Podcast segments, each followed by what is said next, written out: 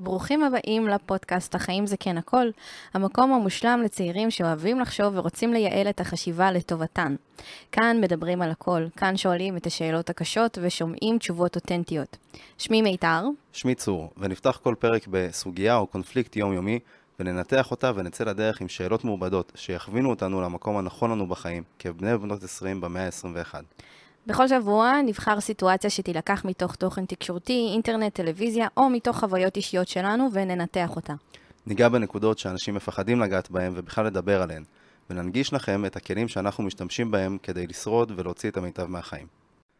שלום צור, שלום מיתר, איך אתה מרגיש? יום עמוס, אבל אה, עוברים את זה. עוברים את זה, נכון. בבקשה, אז על מה אנחנו מדברים היום? בדיוק אמרתי יום עמוס, אנחנו מדברים היום על עומס. אה, על עומס מנטלי. זה לא היה מתוכנן שאמרתי יום עמוס, אבל באמת היום עמוס. מין כזה, מאיפה הוא מגיע, איך נוצר עומס מנטלי, אה, ומה מה אפשר לעשות איתו. זאת אומרת, איך אנחנו פותרים את זה. הדבר הראשון ש, שעלה לי זה, זה שאני מרגיש אותו עם עומס בלוז. זאת אומרת, כשיש לי המון המון המון דברים, שם אני מרגיש עומס מנטלי. איפה את מרגישה אותו? מתי את יודעת שאת בעומס? סיים, עומס בלוז. אמ, יש אה, עובדה כזאת, זה, אנחנו פשוט דוחפים המון המון המון דברים ללוז. אנחנו רוצים להספיק הרבה דברים. אנחנו מצפים מעצמנו לעמוד בהכל, ואז בסוף אנחנו כנראה נסיים עם תחושה של אכזבה. כן. זה קורה, זה קורה הרבה. כאילו אנחנו מעמיסים את הלוז, ואז מפספסים משהו אחד, או לא משלימים אותו עד הסוף, או שכחנו ממנו באמת מרוב עומס, והתסכול שעולה לפחות לי מה, מהמצב הזה, זה, הוא כל כך חזק ש... שאני מוותר על המשימות הבאות. שאני אומר, אה, יאללה, גם כן. ושוב, אותו דיבור עצמי אה, שלילי מגיע, של אה, אתה יודע שאתה ככה, ואתה תמיד מעמיס על עצמך, וזה תמיד קורה לך, ו... כל הדברים שאני יכול להגיד כדי להיכנס בעצמי, אז זה ממש אפקט דומינו. Mm-hmm. אני חושב גם שעומס בלוז, הוא מגיע מהמון סיבות, כתבתי פה איזה שש סיבות uh, לפחות, עומס בלוז זה רק אחד מהם, אבל חלקם קשורים, כלומר יש גם פומו, אנחנו כל כך מפחדים, זה הכי המחלה של הדור שלנו, אנחנו כל כך מפחדים לפספס משהו, ש... שאנחנו מנסים לדחוף את הכל. Mm-hmm. אני רק אגיד אה, למי שלא מכיר מה זה פומו, אה, מאמינה שכולם מכירים, אבל פומו זה אה, ראשי תיבות של fear of missing out, שזה בעצם הפחד אה, לפספס דברים, לא להיות שם. נכון, אני פה ובמקום אחר קורה משהו שהוא יותר מרגש, יותר מוצלח, יותר חזק. לא, אתה מדבר על פובו. fear of better options. fear of better options זה גם משהו בפני עצמו, אבל אני, כן, אפשר גם די דומים. כן. אז באמת יש את זה. אה, שהפובו לדעתי לא יגרום לנו, אה, רגע בעברית פובו, הפחד מאפשרות טובה יותר. כן. הפובו לדעתי לא יגרום לנו ל- להכניס או להוציא דברים אה, מהלו"ז, כמו שהוא יגרום לנו לשנות ממש דרך. Mm-hmm. לפחות ככה אני חווה אותו. כאילו, אם זה בעבודה, אני באיזושהי עבודה מגלה שיש לי אופציה יותר טובה והולך עליה, זה ממש שינוי של דרך. לעומת זאת, הפומו, יש אנשים שיישארו בעבודה שלוש שעות אחר כך. אני. את. אני. זהו, אני אמרתי אני... את זה ונזכרתי שאת. אני. אתמול סגרנו, לא סגרנו, אני ביקשתי לצאת אה, ראשונה, בדרך כלל אני יוצאת אחרונה, אז אמרתי, הרג, הרגשתי לא משהו. ביקשתי מהם לצאת אה, ראשונה, אמרו לי, סבבה, ואני יוצאת, ואני מוצאת עוד מה לעשות, כאילו, אני מחפשת מה עוד לעשות כדי להישאר בעבודה.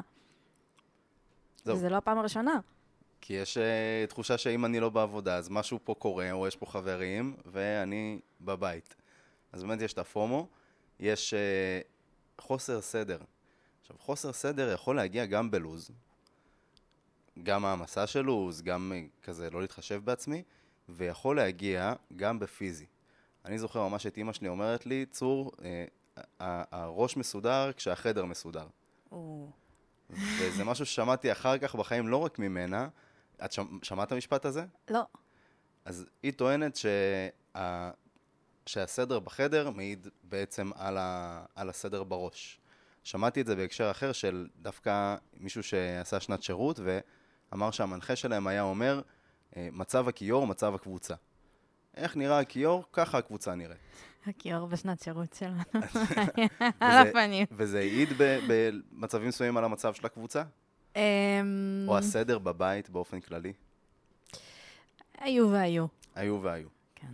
אז אני יודע שבשבילי זה עוזר, גם אחד הפתרונות בשביל לעשות כזה סדר ו- ולרדת מהעומס, בשבילי לפחות, זה לעצור הכל ולסדר פיזית את מה שמסביבי. זה מכניס אותי לאיזה מין מצב מנטלי כזה, אולי מדיטטיבי, כי זה דברים שאתה רגיל לעשות והם באוטומט, ו... וגם מאפשר לעשות סדר בראש, וגם עצם הפעולה של לעשות סדר, פתאום הראש גם מזיז דברים ממקום למקום, מניח אותם בחזרה במגירות שלהם. אה, ומבינים מה לעשות עם זה. בבית אני פחות נתקלת בלעשות סדר בדברים. אני כזה, מרוב שאני כל הזמן בחוץ, אין לי זמן לעשות סדר בבית, ו... ואני עושה את זה לעיתים ממש רחוקות. אז הבית שלי מבולגן. ו... אבל, כשאני כן עושה סדר בבית, אז הדברים מרגישים אחרת. מה ו- מרגיש אחרת? מרגיש פתאום, רג, פתאום אין צרות, כאילו, לרגע, כזה, הכל, הכל בסדר, כאילו, הכל איזה, כן. ובעבודה, נגיד, אם אני עושה ניקיונות ודברים כאלה, אז, אז זה באמת נכון. כל פעם שאני לא עסוקה במשהו, אלא עושה משהו שהוא יותר כזה אוטומטי, בלי להשקיע יותר מדי מחשבה, אז, אז גם המחשבות מסדרות את עצמן. לגמרי. אני חושב ש... כלומר, אם אפשר לקחת מזה משהו, אז תעשו מדיטציה. כן. תוך כדי. ניקיון זה גם... אה, לגמרי, מדיטציות, אגב, הליכה, ברגע שהם משחררים שנייה את הרגליים ונותנים להם פשוט ל- לרוץ, הראש עובד, וזה גם איזה סוג של אה, לא מדיטציה, אלא מצב מדיטטיבי. וכנ"ל, כל דבר שהוא באמת אוטומט לאנשים, גם נהיגה, זה קורה. אה, אל תכניסו את עצמכם למצב מדיטטיבי יותר אפילו בנהיגה, כי זה כן. קורה לבד. זה יכול להיות מסוכן, תאונות, ואנחנו לא אחראים לכם. אה, דיברת על הקטע של שאת נהיה הרבה בחוץ, וכזה לא מגיעה לסדר את הבית, וזה מביא אותי לדחיינות. יכול להיות שממקום מודע, את, אה, את כאילו לא בבית, ואת אומרת, אני לא רוצה להתעסק בזה, ויכול להיות שממקום לא מודע. עכשיו, אני חווה דחיינות בדברים אחרים, גם בניקיונות, גם, ב... גם בעבודה, גם בחברים, וואטאבר, באמת, זה מגיע בכל מקום. אני אישית ממש ממש חושב שכאילו אצלי זה לא קשור לאו דווקא ב... בעומס המנטלי, כי אני מזהה את הדחיינות אצלי עוד מלפני שיש לי עומס מנטלי. מה כן, היא לא עוזרת. זאת אומרת, זה רק תורם ל- ל- לאותו עומס, כי המשימות מצטברות וכזה. אבל, אם, אם אנחנו רואים שבדרך כלל אנחנו לא דחיינים, ופתאום הפכנו לדחיינים, או כן, פתאום הפכנו לדחיינים, אז יש פה איזה משהו לבחון. ולהגיד, רגע, אולי זה באמת אותו אותו עומס מנטלי, ואם כן, אז איך אני מתמודד עם אותה דחיינות? יכול להיות שזה באותה דרך שאני מתמודד איתה, ואני אישית כתבתי לעצמי על, ה... על... קניתי לוח לחדר קטן כזה, לוח מחיק, כתבתי בגדול, אה, לא מחר, לא אחר כך, עכשיו. וכל פעם שאני, שאני דוחה משהו, אין לי אפשרות אלא, אלא לראות את זה כשאני נכנס לחדר. ככה אני מתמודד עם דחיינות. אני נוטה להאמין שמה שאני כותבת לעצמי בלוז, אני עושה. מהמם. זה לא תמיד קורה. ואני עוד לא מצאתי את השיטה שלי. זאת אומרת, עד הרגע האחרון, כנראה שאני לא אעשה את זה. זאת אומרת, הבית שלי מבולגן, אני חיה בבלגן, אני מוצאת, יש לי סדר בבלגן שלי, כאילו, זה, זה משהו שהוא מאוד מוכר, במיוחד אצל אה, אנשים עם הפרעות קשב. אמ, אבל עד, ש, עד שפתאום אני צריכה לארח אנשים, ואז בום! הכל חייב להיות מסודר, הכל חייב להיות נקי במקום, וזאת זאת השיטה שלי. זאת אומרת, אם יש משהו שאני צריכה לעשות, ואני יודעת שאני לא עושה אותו עד שקורה משהו מסוים, אז אני גורמת למשהו מסוים הזה לקרות כדי שאני אעשה את זה. מבין לגמרי. זה העניין של, של לחץ זמן, השאלה היא איך אנחנו מאלצים את הלחץ הזה. זאת אומרת, את אומרת, אני, אם אני צריכה לגרום לזה לקרות, אז אני גורמת למשהו לקרות כדי שאני אסדר. כלומר, אני אקרא לחברים שיבואו להתארח אצלי, כן. כדי שתהיה לי איזושהי מוטיבציה לסדר. זאת שיטה, בבקשה. זאת שיטה. באיזה דברים אחרים בדחיינות אנחנו יכולים, אה, יכולים לראות את זה? אני באמת חושב עכשיו, אני, אין לי מושג.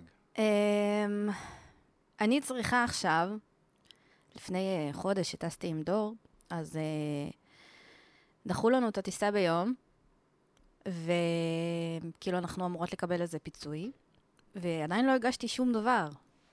ואני כאילו מחכה ליום שהיא, שהיא תבוא לעזור לי עם זה, וזה קצת פחות קורה, אנחנו שתינו לא, לא כל כך מצליחות להיפגש. בסוף החודש, היא טסה, היא עוברת לחו"ל. אשכרה. מתי אני אעשה את זה? כנראה בפעם האחרונה שאני אראה אותה. אשכרה. אז אולי, אולי קידום של הדבר הזה? כלומר, אם יתאפשר לראות אותה לפני, או... איך את, אני שואל איך, איך את משתמשת באותה מוטיבציה, אבל משתמשת בה באופן מודע. לא בכל דבר אפשר. לא ל... בכל דבר. לא בכל דבר אפשר. אה, מה שכן, זה, אבל זה, זה, זה יותר זורק אותי לדדליין, mm-hmm. פשוט. זה שיש תאריך ושעה על המשימה. לקבוע דדליין כלשהו. Mm-hmm. גם אם זה... זאת אומרת, יכול להיות שהדדליין זה משהו שנתון לי מראש, ויכול להיות, כאילו, זאת אומרת, זה שדור עוזבת, שזה נתון לי מראש, או הדדליין שקבעתי, שחברים יבואו אליי, ואני שמתי את הדדליין הזה, אבל הוא עדיין קיים. ואם אני סתם מייצר דדליין, אתה חושב שזה יעבוד? תלוי, תלוי בך.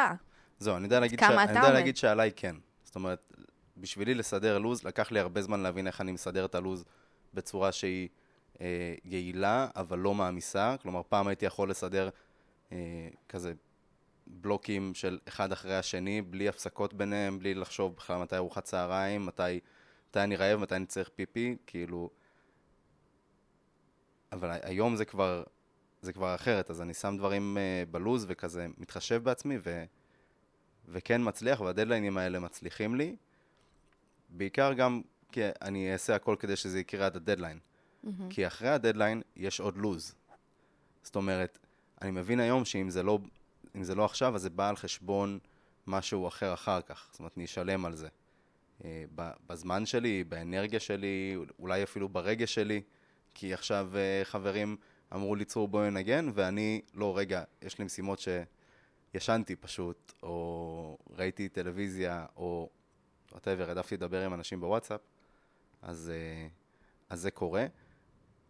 לאחרונה עולה לי ממש הדימוי של, מה זה דימוי? זה כאילו שלוש, שלושה מילים שיושבות לי בראש כבר איזה חודשיים, תהיה החייל של עצמך.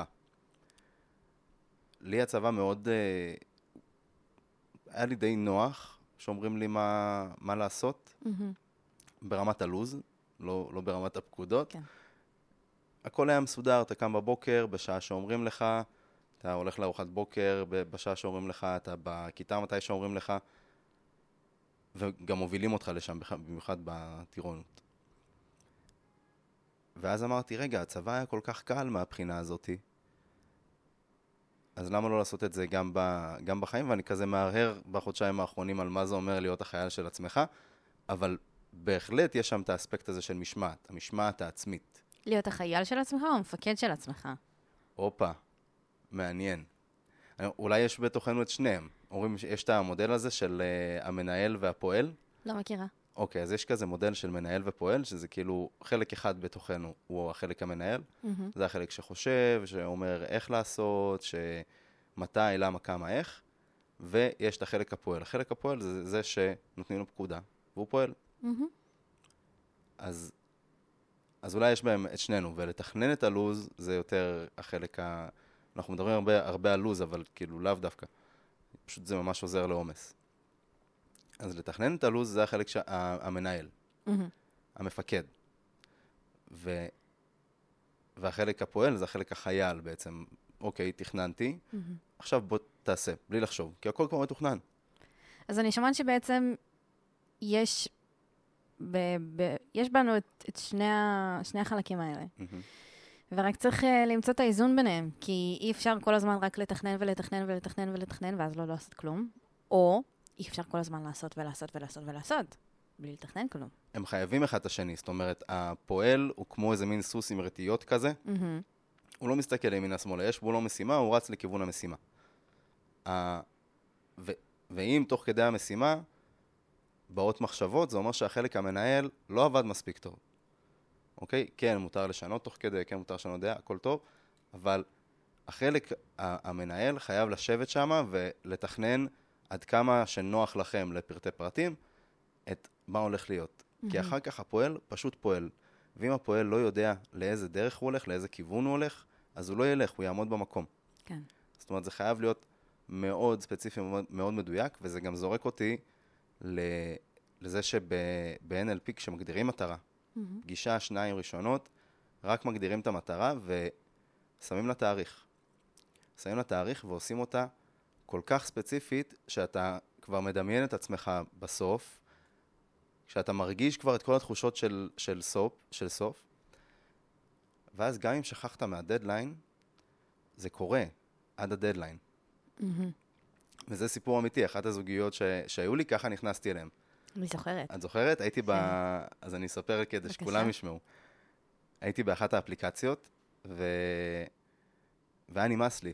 נמאס לי מה... טוב, לכולנו נמאס מאפליקציות אחרי יומיים, מהדפדוף וזה, והחלטתי שאני נכנס ליומן, שם תאריך של למחוק את האפליקציה.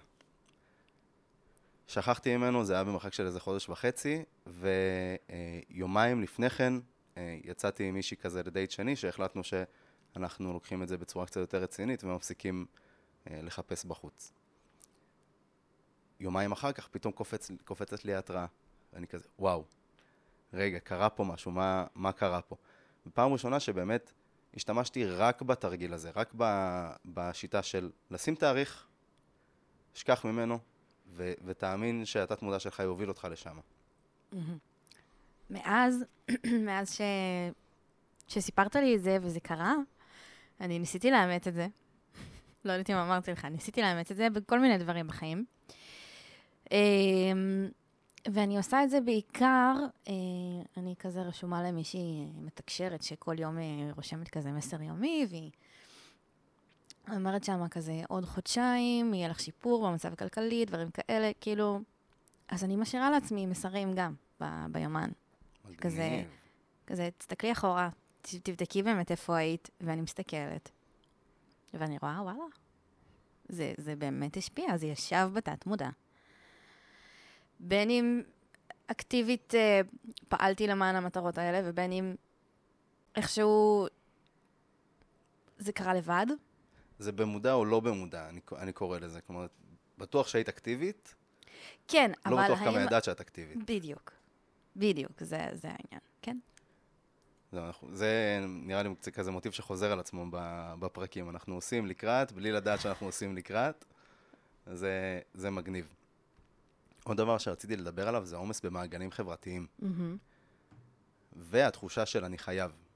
אה, שבא בא אחד יד ביד עם, ה, עם העניין של עומס במעגלים חברתיים.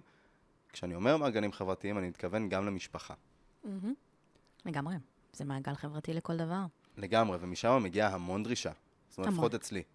מגיעה המון דרישה משם של אה, תהיה פה באירוע, תהיה שם, אה, מי שגר אצל, ה, אצל ההורים, אז כזה, למה אתה לא בבית? מהמם. ואנחנו אנשים בוגרים בסוף. ואז התחושה הזאת של אני חייב, היא גורמת לנו להרגיש שאנחנו מאכזבים. זאת אומרת, אני חייב ולא מצליח לעשות את זה, אז אני מאכזב את אותם אנשים, את אותם חברים, את המשפחה. אצלי החוויה היא שונה. זאת אומרת, אני לא חייבת. כאילו, החייב זה לא על ה- להיות נוכח ולהיות uh, שם ומעורב, זה יותר על הלהוכיח. ואם אני לא מוכיחה, שם אני מרגישה שאני מאכזבת. מה את מוכיחה? מוכיחה ש... יש הצדקה וסיבה לזה שיצאתי מהבית, וזה שאני עושה את הדברים שאני עושה, ואני אמ, גם מצליחה בהם, ו... זאת אומרת, אני לא סתם מבזבזת את הכוח שלי ואת הזמן שלי ואת המשאבים שלי על בולשיט.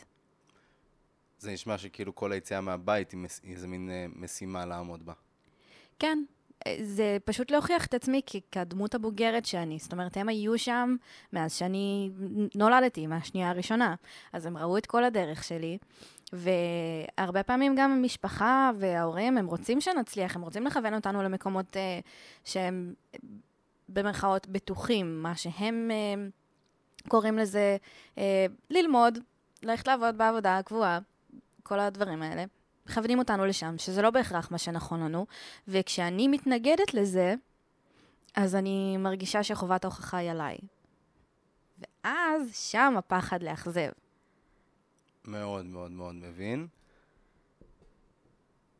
אני חושב, עולה לי כאילו ש... שיודעת מה זה לאו דווקא ה... המשפחה או החברים, זה אותו מטרד קטן בראש, אני אקרא לו, שאומר עליך להוכיח, או, או עליך לא, לא לאכזב ב... באיזשהו אופן. ולאו דווקא שזה בא במשפחה או חברים. אבל המטרד הזה, הוא לוקח מאיתנו הרבה אנרגיה. המון. המון. זאת אומרת, אפילו לפעמים אנחנו שוכחים ממנו, אבל עצם הקיום שלו שם, בתת מודע, הוא גורם לנו גם לפעול בדרכים מסוימות. זאת אומרת, חלק מהבחירות שלנו יהיו בעקבות אותו קול קטן בראש שאומר, אתה חייב להצליח, או חובת ההוכחה היא עליך. קטע. מבחינת מעגלים חברתיים, אני יודע ש... שאותי זה תפס כמה פעמים בחיים, כי יש לי חברים במרכז ובצפון קרוב לבית, ופה ושם, וגם לך. ואז עד כמה אני שומר על קשר, זאת אומרת, קשרים הם חשובים. אני חושב שגם, אם, לא, אם עוד לא דיברנו על זה, אז בטח נדבר על זה, קשרים הם חשובים. כל כך. ואיך אנחנו מייצרים את הקשרים האלה, והם יבואו לטובתנו בעתיד, כן, דיברנו על זה. אה, אז זה זה מול, רגע, שנייה, יש לי את החיים שלי, אין לי זמן לכולם, יש לי שבעה ימים בשבוע, ולצורך העניין 20 חברים. וואו, ויש לי גם משפחה, שנייה, ויש לי גם את עצמי, בואו לא נשכח את עצמי. אז איך מתמרנים בין כל, ה, כל הדברים האלה? אני יכול להגיד ש... שהאתגר בשבילי היה כפול, כי אני יודע על עצמי מגיל די מוקדם ש, שיש לי דפוסי הריצוי האלה. ו, ואני עובד עליהם, אבל כאילו בדוק שזה עבודת חיים. ואז לפעמים להגיד לא לחברים. זה יכול להיות מאוד מורכב. אה, רק בשבת האחרונה, אה, כזה חברים אמרו לי, צור, בואו נעלה לאיזה תצפית, ננגן. הבאנו מלא כלים uh, מיוחדים, היה בוזוקי, היה פנטם. למה אתה אף פעם לא קורא לי? סתם. היית בחיפה, לא?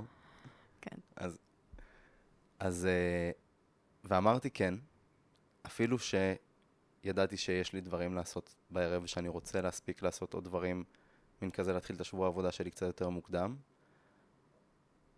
ואז, ואז בכלל נרדמתי, והנה, זה מחזיר אותנו בחזרה לפספסתי דבר אחד, והתסכול כל כך גדול שאני כבר מוותר על השאר. Mm-hmm. זאת אומרת, הייתי עייף בצהריים, נרדמתי, קמתי באיזה חמש, ובמקום לקום ישר ולעשות את הדברים שלי, אמרתי להם, טוב, אני בא. כי כבר פספסתי את מה שרציתי לעשות באותו זמן, וכבר נרדמתי על הזמן הזה, אז עכשיו תשלים, ועכשיו זה. בסוף יצא שפספסתי את כל הערב. ולא רק שפספסתי את כל הערב, גם כשהייתי איתם, עוד היה לי בראש את ה... את הדברים שלא עשיתי, את המשימות ש... שרציתי לעשות ולהספיק, אז גם לא באמת הייתי איתם. זאת אומרת, לא הייתי לא פה ולא פה, והרגשתי לא מרוצה מעצמי. אני חושבת שברגעים כאלה, כשאנחנו עושים את הבחירה הזאת, ללכת למקום שאנחנו כן רוצים ללכת אליו, אבל לא בהכרח זה הדבר הנכון לעשות, אנחנו צריכים איפשהו לסלוח לעצמנו, להשלים עם העובדה שוואלה, לא בא לי היום לעשות את המשימות שלי. בא לי שנייה גם משהו לעצמי, זה בסופו של דבר משהו לעצמך. היה לך כיף? היה מעולה. נו. עד שנזכרתי. עד שנזכרתי. נכון, אבל אתה חושב שאם היית מזכיר לעצמך גם שמותר לך, זה היה משנה משהו? כנראה. אני באותו רגע לא הזכרתי לעצמי. האמת שזה היה אצלי אפילו קצת יותר מורכב. אה, אחד כנראה הטריגר העיקרי שלי להתקפי חרדה זה, זה להגיד אה, כן כשאני רוצה להגיד לא. מהמם. וזה כבר קרה לי בעבר. ואז באמת חוויתי שם פתאום רגע איזה האצה בנשימה, אה, חוסר התמצאות במרחב, פתאום אמרתי להם, לא נוח לי, לא נוח לי, רגע, רגע, לא נוח לי, מסתובב, מחליף את התנוחה איזה שלוש פעמים, עד שאני אומר, רגע, שנייה, אני אני אעשן סיגריה ו... ונמשיך וניקח כמה נשימות עמוקות. אבל כן, כאילו זה... עד שנזכרתי באותו רגע, אז כן, באמת היה כיף, ואחר כך גם היה כיף, אבל... אבל כשחזרתי הביתה, חזרתי מאוד סחוט, בגלל שהתעסקתי מאוד ב... ברגש שלי שם.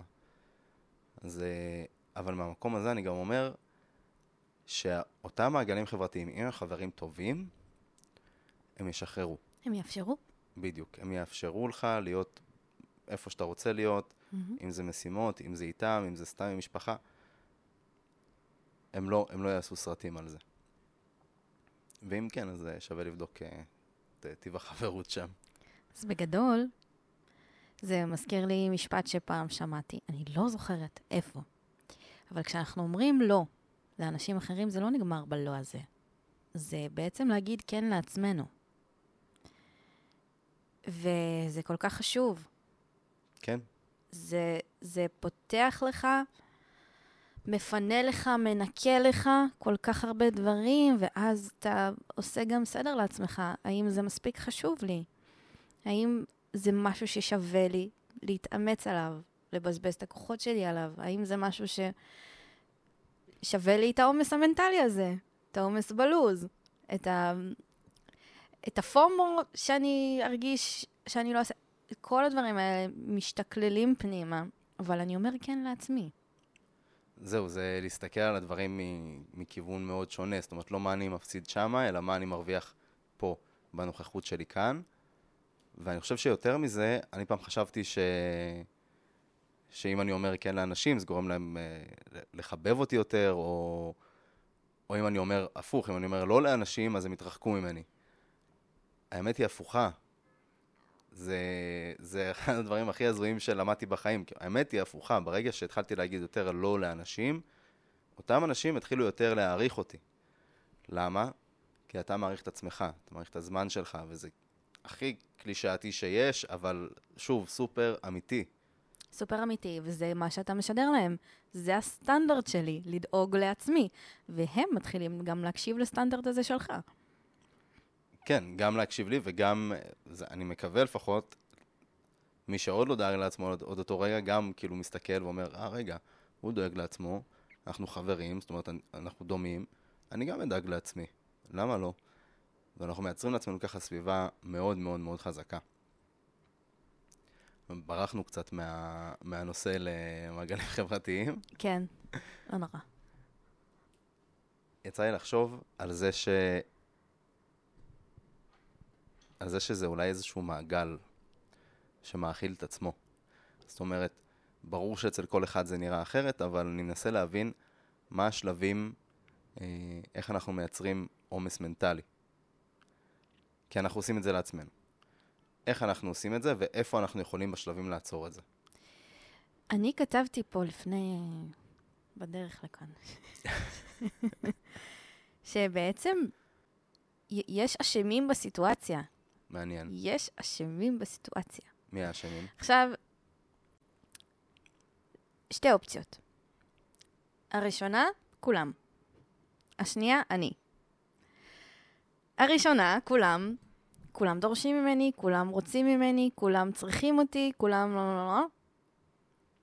אני, אני צריך, אני רוצה, אני יודע, אני עושה, אני... כולם, אבל אנחנו שוכחים ש... שגם הכולם האלה הם אני בסופו של דבר, וגם הם מרגישים בדיוק את אותו דבר מכל הסביבה. ואנחנו חיים בעולם כזה שאתה חייב להיות בכל מקום, זה מחזיר אותי לפומו. אתה חייב להיות בכל מקום, אם אתה לא שם, אתה לא קיים. וכולם מרגישים את זה, כולם משדרים את זה, ואין אף אחד שאומר סטופ. אין אף אחד שאומר סטופ. ואם אני לא אגיד את הסטופ הזה, אף אחד לא יגיד לי, אז זה גם כולם וגם אני. אני, זה, זה נכון, אני מנסה להבין בדיוק איפה כולם ובדיוק איפה אני. כי, ה, כי הכולם הזה, איך שתיארת אותו, זה גם אני. זה כולם צריכים אותי, אה, וכולם עכשיו אה, צריכים אותי גם דחוף, לזה הרגע, אבל... אני אוהבת את המילה דחוף. כן, דחוף. בשלוש בלילה, דחוף, איך קוראים לשיר הזה? דחוף. כי גם אני עשיתי לך את זה מלא פעמים בדוק. אז אה, איפה היינו? אני, כולם אשמים. כן. אז כאילו בסוף, בסוף כן מתנקז, אה, כן מתנקז אליי. אה, כי זה מה שאני חושב, ש, שאחרים צריכים אותי ושאחרים עכשיו לא יסתדרו לרגע בלעדיי. אה, אחרים צריכים אותי, זה יכול להיות נכון, לא יסתדרו לרגע בלעדיי, זה לא תמיד נכון. אבל אתה יודע שאנשים צריכים אותך. נכון, אבל הם גם יסתדרו, כאילו השאלה היא, האם הם יסתדרו בלעדיי, והם יסתדרו בלעדיי. כן. ככה או ככה. נכון. אז אני חושב שצריך, אנחנו צריכים לעשות איזה מין אה, רשימה, או, או פשוט, לא, עזבי רשימה, עזבי דברים פיזיים, פשוט צריך להפריד בראש את מה באמת אני חייב ואיפה באמת צריכים אותי, לעומת מה אני חושב שאני חייב, איפה אני חושב שצריכים אותי, וזה יותר לעשות את זה בשביל התחושה שלי מאשר בשביל התחושה של אחרים. זה מזכיר לי אה, שמישהו שעבד איתי פעם, התייעצתי איתו על לעשות הפתעה לבת זוג שהייתה לי אז, mm-hmm. והוא שמע על ההפתעה, ואמרתי לו כמה שזה יהיה קשה לוגיסטית לעשות את זה, מבחינת uh, זמנים, וכאילו אין לי זמן לעשות את זה, אבל אני בכל מקרה רוצה, כאילו, סתם, ברמת ה... כאילו, לנסוע למקום ו- ולהביא איזה שוקולד או פרח, כאילו, כזה הכי קטנצ'יק שיש, אבל זה לא הסתדר. אה, אבל מאוד מאוד מאוד רציתי. הוא הסתכל עליי והוא אמר לי, צור, בשביל מי ההפתעה? בשביל מי אתה עושה את זה? אתה עושה את זה בשבילה, או אתה עושה את זה בשבילך? ובאותו שנייה אמרתי לו, יא, מניאק. נפל האסימון. כי היה ברור, כן, שאני עושה את זה בשביל עצמי. כן. ולא בשבילה. אז זה בדיוק ה... מה אני רק חושב שאני חייב. ו... ואני חושב שאם נפריד אותם גם, אז, נגל... אז נוכל להוריד הרבה, הרבה מהעומס. בטוח, בטוח. אבל אנחנו גם נוטים לחשוב שאנחנו גיבורים. כן, אין מה לעשות. חלקנו נוטים לחשוב שאנחנו גיבורים. גם אני חוטא בזה לפעמים, כאילו... אני כל הזמן חוטאת בזה. אני מרגישה גיבורה בכל סצנה שאני נמצאת בה. אני מרגישה שאני חייבת להיות הדומיננטית. זה, זה, זה הרבה אופי שנכנס. לגמרי. מצד שני, אני חושב שכששחררתי מקומות או אנשים שדרשו ממני הרבה אנרגיה ככה, ו...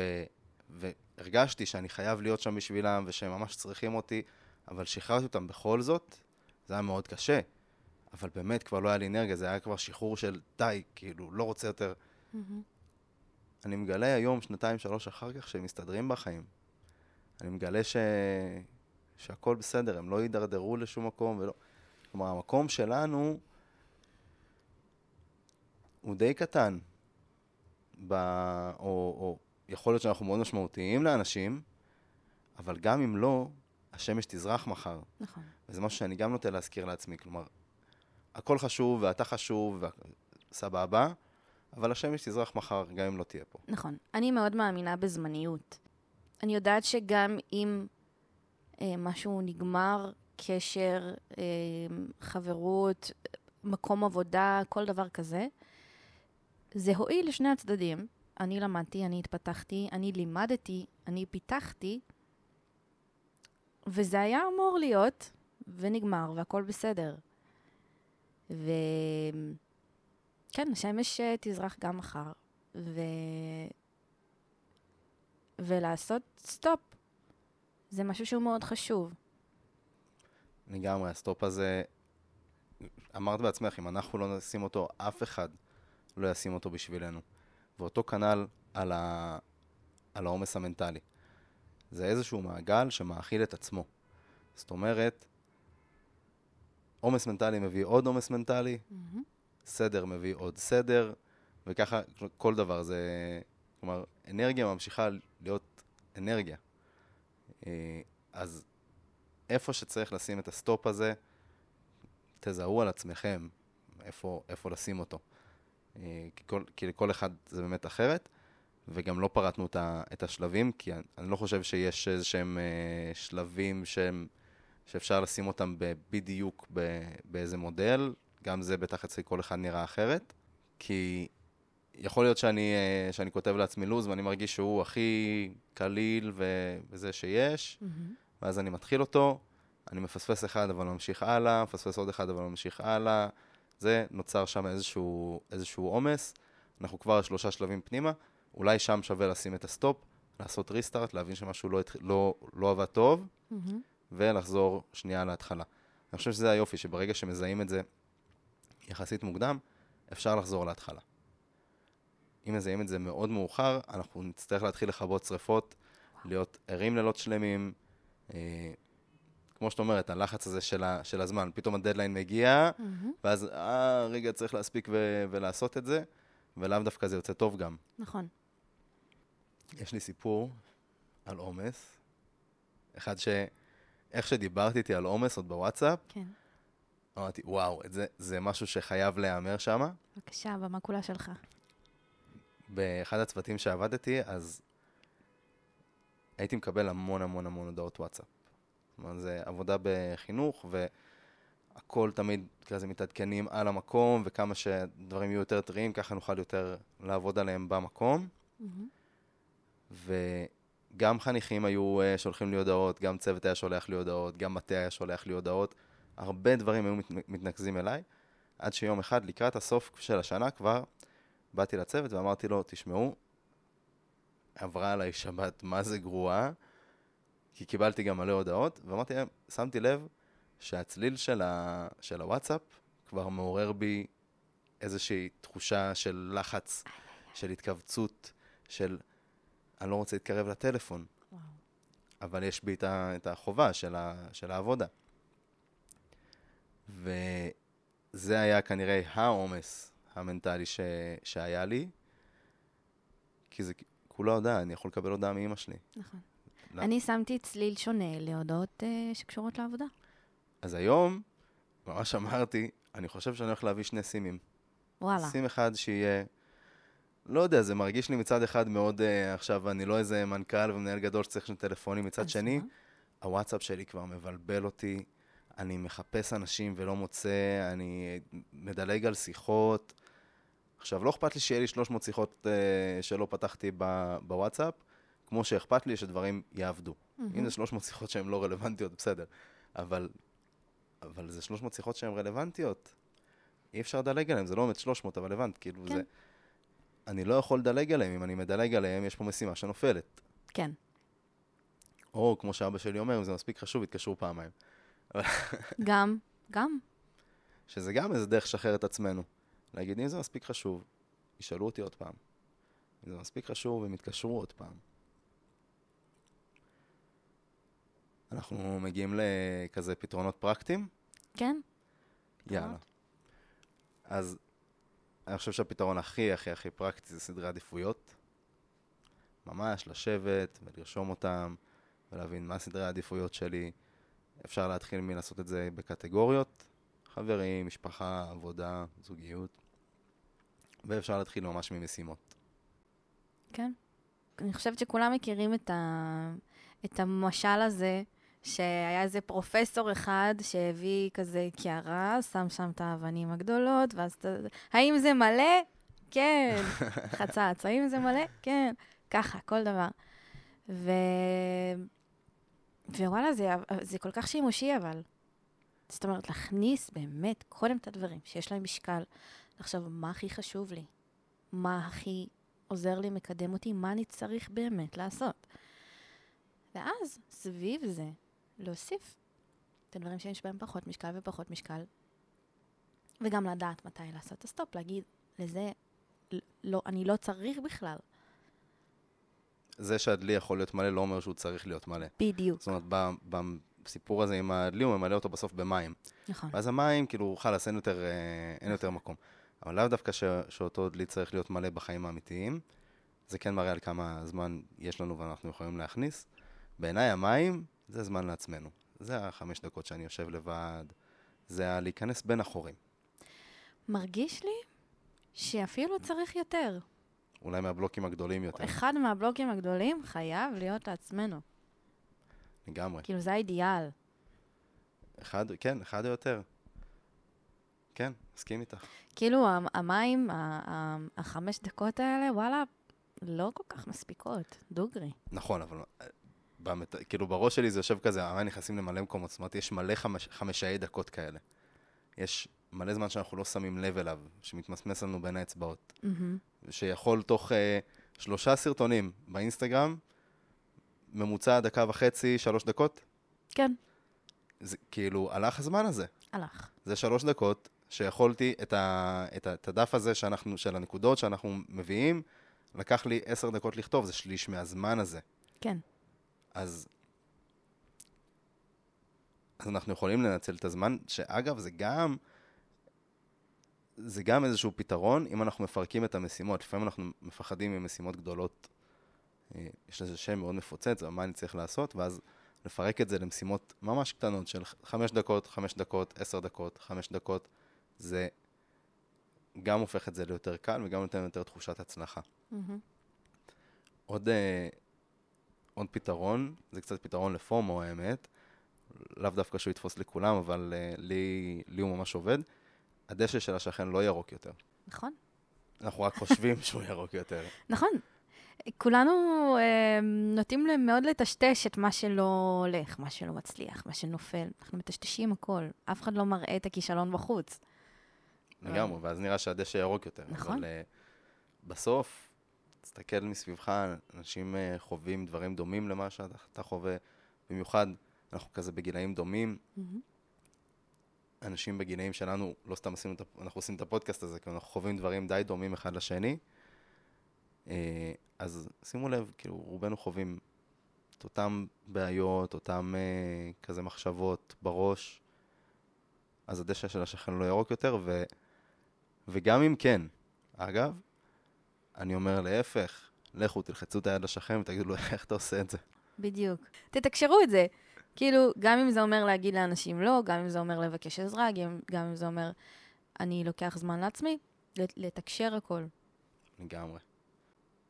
זהו, אני חושב שעל הרוב עברנו רק כדי לעשות uh, סדר, אז אמרנו גם להפריד מה אני רק, uh, מה אני חייב באמת ומה אני רק מרגיש שאני חייב. אמרנו גם, חברים טובים באמת יתמכו, ו- ומשפחה, באמת זה אנשים שיתמכו ולא uh, יעשו לכם סרטים וסצנות על זה שאתם לוקחים זמן לעצמכם, או משקיעים את הזמן במה שחשוב לכם, ולעשות סדר פיזית, שגם דיברנו עליו.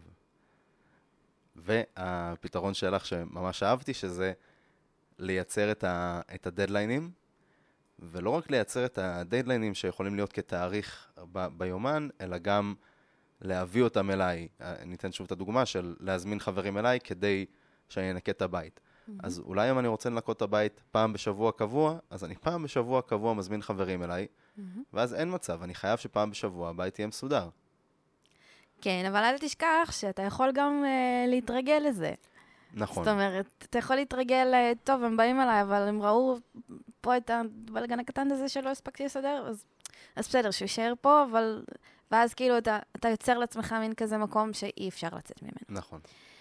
אז לא להתרגל לזה, כן, אפשר להביא את הדדליינים אליי, אבל לשמור כזה- על עצמנו במקום בדיוק, הזה. לראות, לראות שזה, שזה באמת עומד שם ולא כאילו רק מוסיף לנו עוד אה, כזה זבל כן. ערימה. כן, לגמרי. אני חשבתי על האספקט של שליטה בתוך כל זה. כן. זאת אומרת, כמובן שאנחנו אה, שולטים ב, ב, בלו"ז שלנו, בסדרי העדיפויות שלנו, במפגשים שלנו עם חברים, אבל אולי לפעמים העומס הזה נוצר כי אנחנו מנסים לשלוט בהכל. זאת אומרת, החוסר יכולת הזה לשחרר לאנשים אחרים לעשות דברים. אה, זה יותר קשור ב, בעבודה, מאשר בכזה תחומים פרטיים יותר של החיים, אבל אה, חולקת עליך, כן? כן? איפה את רואה... אני, אני, אני, צריכה שליטה בהכל, כמו שאמרתי בפרק הקודם. אני חייבת ש, שיהיה לי... אנשים הם כלים גם, כמו ברור, שאמרתי. ברור. אז אני חייבת שיהיה לי את השליטה גם בעבודה, גם בחיים האישיים, גם בהכל. אוקיי, אני שואל, איפה את, איפה את רואה שאת לא משחררת לאנשים אחרים, אבל את ואת חייבת את השליטה הזאת לעצמך ולעשות את זה לבד.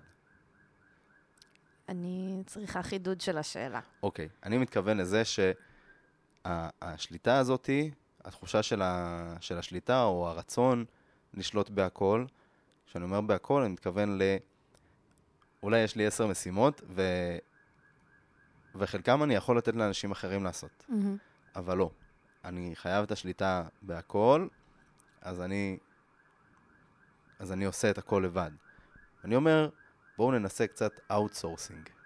כאילו, לתת לאנשים אחרים לעשות, אה, איך קוראים לזה ב... ב- ב- בצבא יש לזה שם, להאציל סמכות? להאציל סמכות. אני ניסיתי השבוע, לא הלך טוב. לא הלך טוב. לא הלך טוב, כי הם לא עשו את זה טוב. ואני הייתי צריכה לעבוד כפול כדי לחפות על הטעות. הרבה פעמים זה מה שקורה, כלומר, בחינוך חוויתי את זה הרבה, של טוב, תאציל את הסמכות אל, ה... אל החניכים, הם יעשו, ואז ת... אבל מה אני מגלה? שצריך ללוות מאוד טוב את ה... הם לא היו חניכים, עובדים באותה כן. רמה כמוני. נכון, ועדיין צריך, צריך ללוות את זה. כלומר, אם יש מישהו אחד שעושה את זה טוב, אז אין בעיה לחנוך את האחרים איך עושים את זה. אני צריך לחנוך אותם, אבל בשביל או שהם יעשו את זה 20 פעמים לבד, אבל מישהו צריך להגיד להם מה לא טוב כדי שהם ישתפרו. זו הנקודה. זה לא שאני לא עושה את זה, אני עושה את זה, ועדיין קורה טוב. ועדיין. ועדיין קורה טעויות. זאת אומרת, זה לא מאה אחוז, אין, מ- אה, אין כן. פה מאה אחוז. נכון. בהצלת סמכויות. נכון. אה, אבל יודעת מה? אולי גם להיות שלמים עם זה. שלא הכל יצא 100%, או. וזה בסדר, כאילו, לא חייב אה, להיות מושלמים בהכל. ולהיות פתוחים ללמידה, גם אם אחר כך העירו לכם על זה, וזה לא היה 100%. בדיוק. בסדר, אני לומד לפעם הבאה. ובאמת ללמוד, לא, ו- לא להשתמש בזה כתירוץ. צודק, צודק. טוב, צור, תודה לך על היום, תודה לך. ונתראה נתראה. נתראה. זה טוב, ל- נתראה בפרק הבא. זה טוב. יאללה, אז נתראה. נתראה. ביי ביי.